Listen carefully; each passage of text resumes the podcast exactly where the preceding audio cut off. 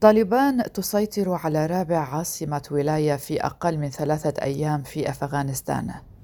ما الذي يجري في أفغانستان هذه الأيام؟ هذه حلقة جديدة من بودكاست في عشرين دقيقة معكم براء صليبي أهلا بكم سقطت مدينة ساريبول الواقعة في شمال غرب أفغانستان يوم الأحد الماضي في الأول من أغسطس آب بأيدي جماعة طالبان التي استولت بذلك على رابع عاصمة ولاية خلال ثلاثة أيام. محمد حسين مجاهد زادة عضو مجلس ولاية ساريبول قال إن طالبان حاصرت كتيبة عسكرية على مشارف المدينة وأكد أن كل الأجزاء الأخرى للمدينة أصبحت تحت سيطرة طالبان. كما أن طالبان سيطرت في وقت سابق على مدينة قندوز التي وقعت ثلاث مرات بأيدي المتمردين منذ 2015 وسيطرت على عاصمتي ولايتين منذ يوم الجمعة الماضي منها ولاية نيمروز لكن سقوط قندوز الواقعة في أقصى شمال البلاد هو الأهم منذ أن بدأ مقاتلو الجماعة هجومهم في أيار مايو مع بدء القوات الأجنبية المراحل الأخيرة من انسحابها. في الحلقة اليوم سنتحدث أيضا عن بعد احتلال طالبان لمعبر سبين بولداك مع باكستان مرضى يعانون وأطعمة قابلة للتلف. يعد معبر سبين بولداك أحد أكثر المعابر الحدودية ازدحاما في أفغانستان وبعد إغلاقه بسبب احتلاله من قبل متمردي طالبان الشهر الماضي قال تجار في مدينة شامان الحدودية الباكستانية إن نحو 1500 شخص ينتظرون العبور إلى أفغانستان كما توقفت أكثر من 600 شاحنة محملة بأطعمة طازجة قابلة للتلف في كلا البلدين. محمد أصغر أفغاني شاب على الحدود عند الجانب الباكستاني يقول. يجب أن أذهب إلى أفغانستان. معنا مرضى. تجمع الكثير من الناس هنا للعبور لكن الحدود مغلقة. ليس لدي المال. أنا عاجز. الناس يعانون. أغلقت طالبان المعبر بسبب نزاع على التأشيرة. زاعمة أن باكستان كانت تلتزم بمتطلبات حكومة كابول والمتمثلة بإحضار جواز السفر والحصول على تأشيرة. لكن الجماعة المتمردة تقول إن الحدود ستبقى مغلقة حتى تسمح باكستان لجميع الأفغان بالعبور على أسس الإجراءات القديمة أي من خلال الهوية فقط. وفي لشكرغاه طالبان يحتلون منازل المدنيين ويتخذونهم دروعا بشرية.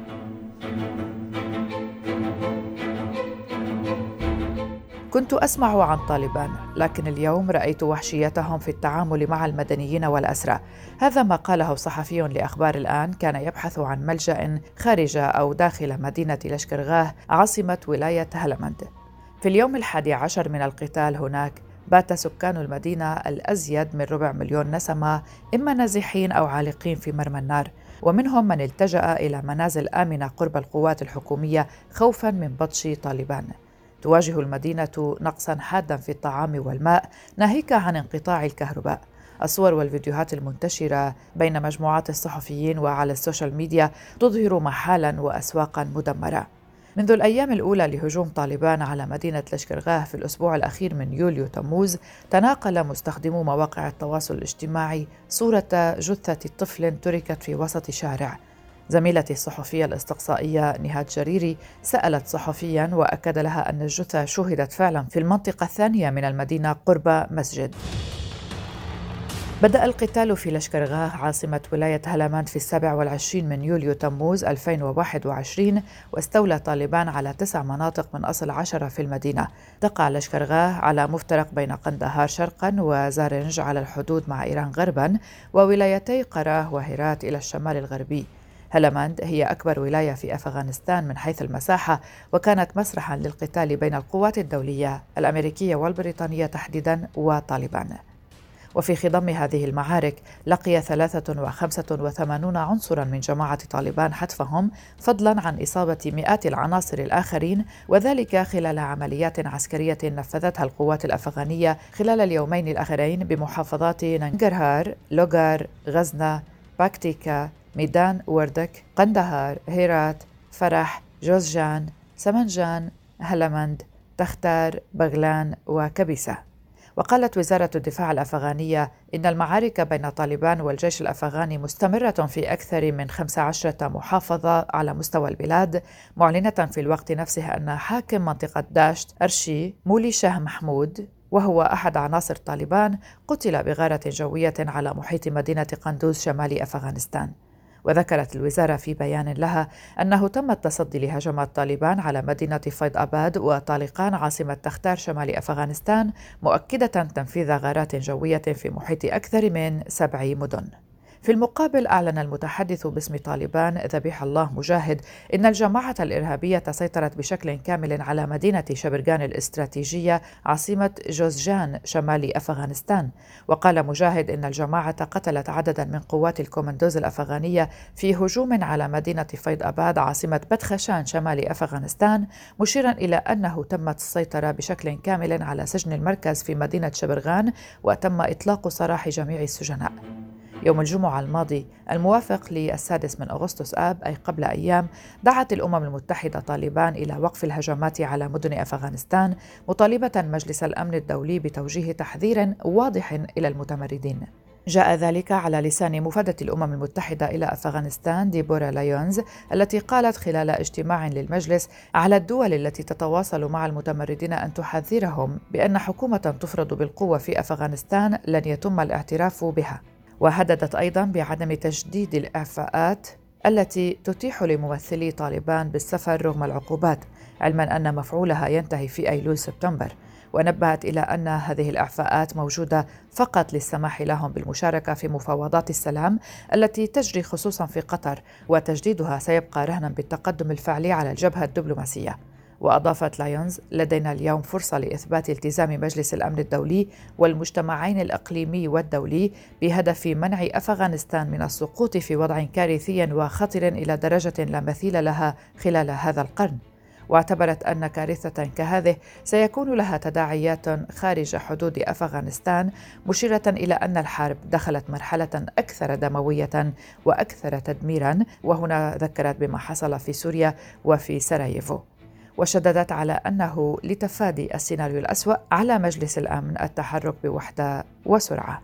كما حذرت رئيسة بعثة الأمم المتحدة في أفغانستان أن الكارثة التي تواجه أفغانستان سيكون لها تداعيات تتجاوز حدود هذا البلد. وأكدت بأن هجمات طالبان أودت بحياة عدد كبير من المدنيين خلال الفترة الماضية لافتة إلى أن طالبان تسعى للسيطرة على مزيد من الأراضي. ممثل حكومة كابول الذي أكد طلب عقد اجتماع مجلس الأمن أكد أن الوضع يتدهور بسرعة بسبب التصعيد الأخير للعنف من جانب طالبان والهجمات العسكرية الوحشية على مدن مهمة. وجدد الدبلوماسي الأمريكي جيفري دي لورنتيس جدد تحذير واشنطن أن أفغانستان ستصبح منبوذة دوليا في حال استيلاء المتمردين عليها.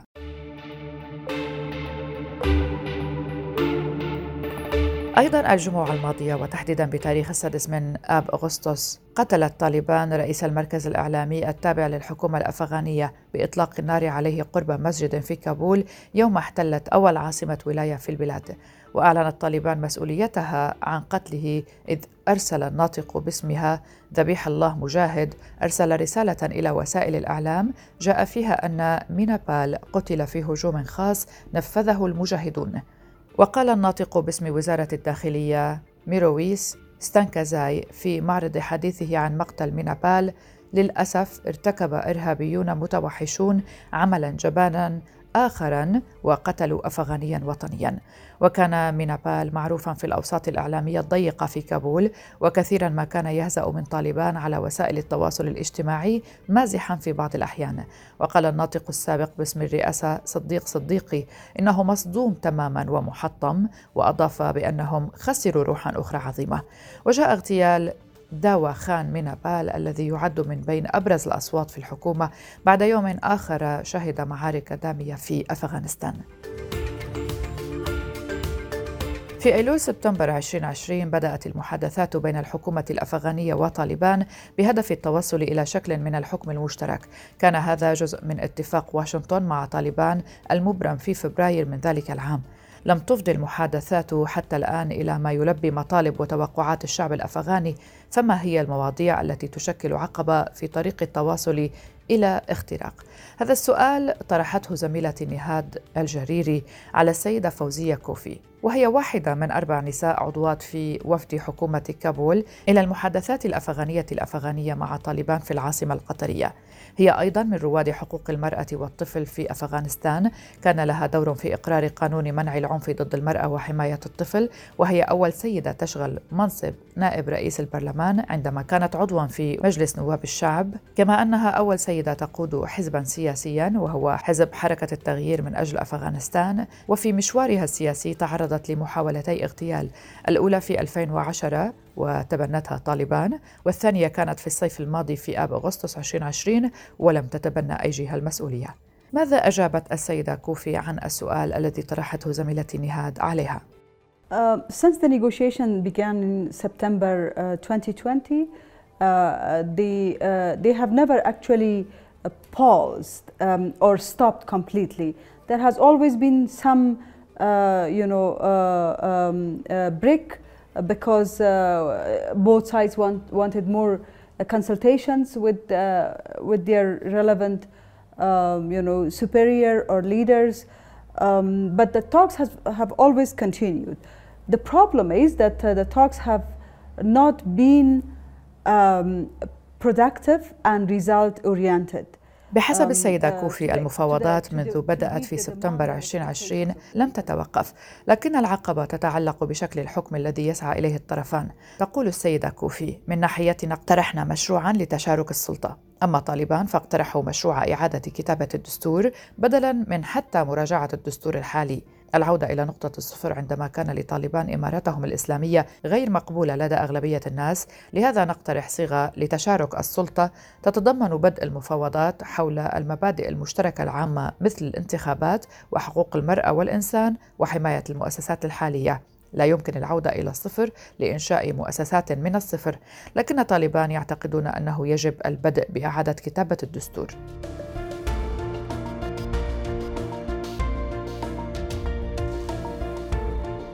تحدثت أيضا السيدة كوفي عن الانتخابات كآلية تفضي إلى الحكم على أسس ديمقراطية فيها مخالفة لفكر طالبان الجهادي تقول السيدة كوفي From our side we have proposed uh, political power sharing um, From the Taliban side they have proposed uh, constitution uh, rewriting of constitution even not uh, review of the current constitution But before we go to that, uh, we need to agree on common principles, uh, issues that people of Afghanistan are worried about, issues such as, for instance, elections. Um, the Taliban have not really made their position clear on elections, on how are they going to participate, the mechanism to participate in a power sharing, because um, you know these are the things people of Afghanistan want to know. After 20 years of war, bloodshed, destruction, if we go back to zero location where the Taliban had their Islamic Emirate, is uh, you know uh, is not acceptable by majority of people. So therefore, I think what we proposed is a power sharing arrangement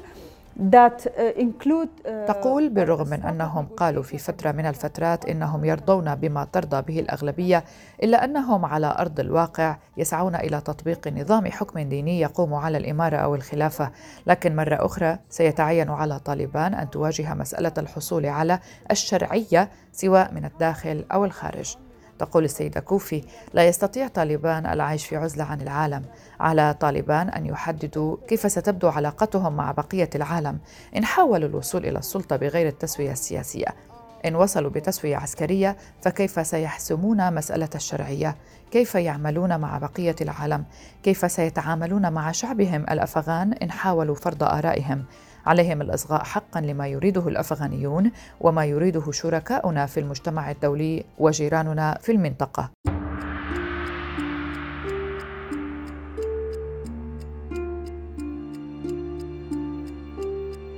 في سنوات شبابها الأولى عاشت السيدة كوفي تحت حكم طالبان وكانت تدير مدرسة للبنات في المنزل.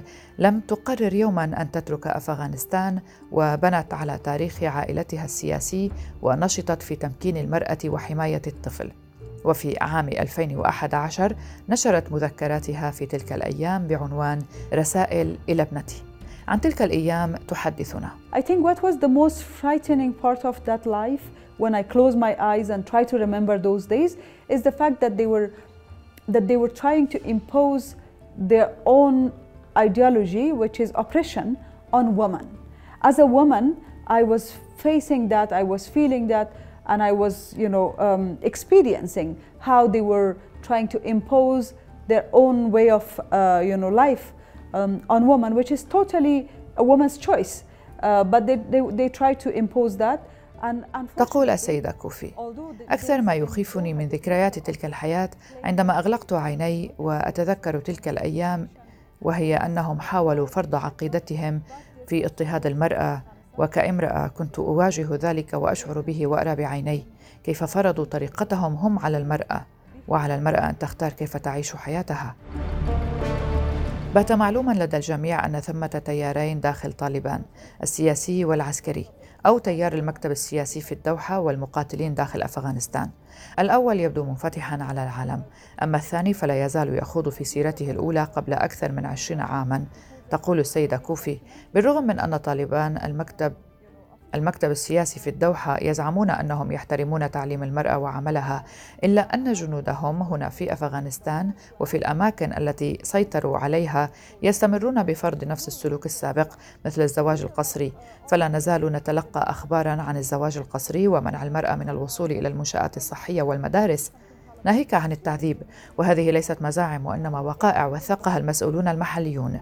وعلى طالبان أن يعالجوا هذه المسائل بشكل جاد إن أرادوا أن يكونوا جزءا من التسوية السياسية. عليهم أن يظهروا نسخة أخرى من أنفسهم. سألت زميلتي نهاد السيدة كوفي هنا هل ترين أن طالبان في الدوحة يختلفون عن طالبان في أفغانستان؟ وكيف سيؤثر هذا على كل ما يحدث؟ The Taliban in Doha, of course, are uh, um, exposed to a lot of um, world opportunities. They have been traveling uh, in the region. Um, uh, the Doha itself is, uh, of course, when it comes to uh, you know inclusion, uh, a better society. Um, so certainly, those people are exposed to a lot of opportunities, and they know how does it work. but for a Talib who has actually grown up in the past 20 years, he has only seen a gun and he has found his identity through that gun, through violence.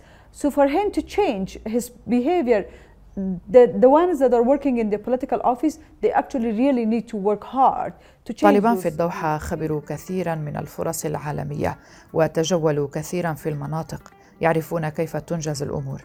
لكن عناصر طالبان تترعرع في السنوات العشرين الماضية ولم يروا سوى المسدسات ووجدوا هويتهم خلال المسدس والعنف.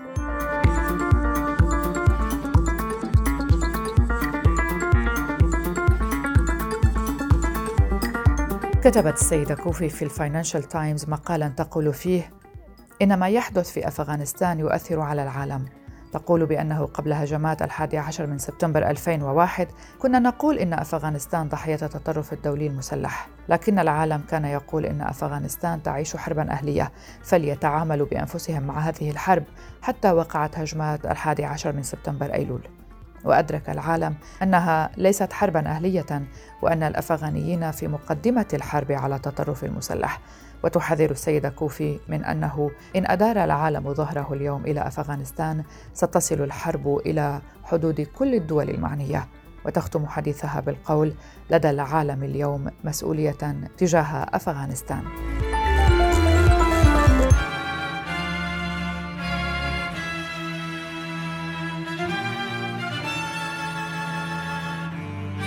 هذه كانت حلقة من بودكاست في عشرين دقيقة من إعدادي وتقديمي براء صليبي شكرا لكم لحسن الاستماع. إلى اللقاء.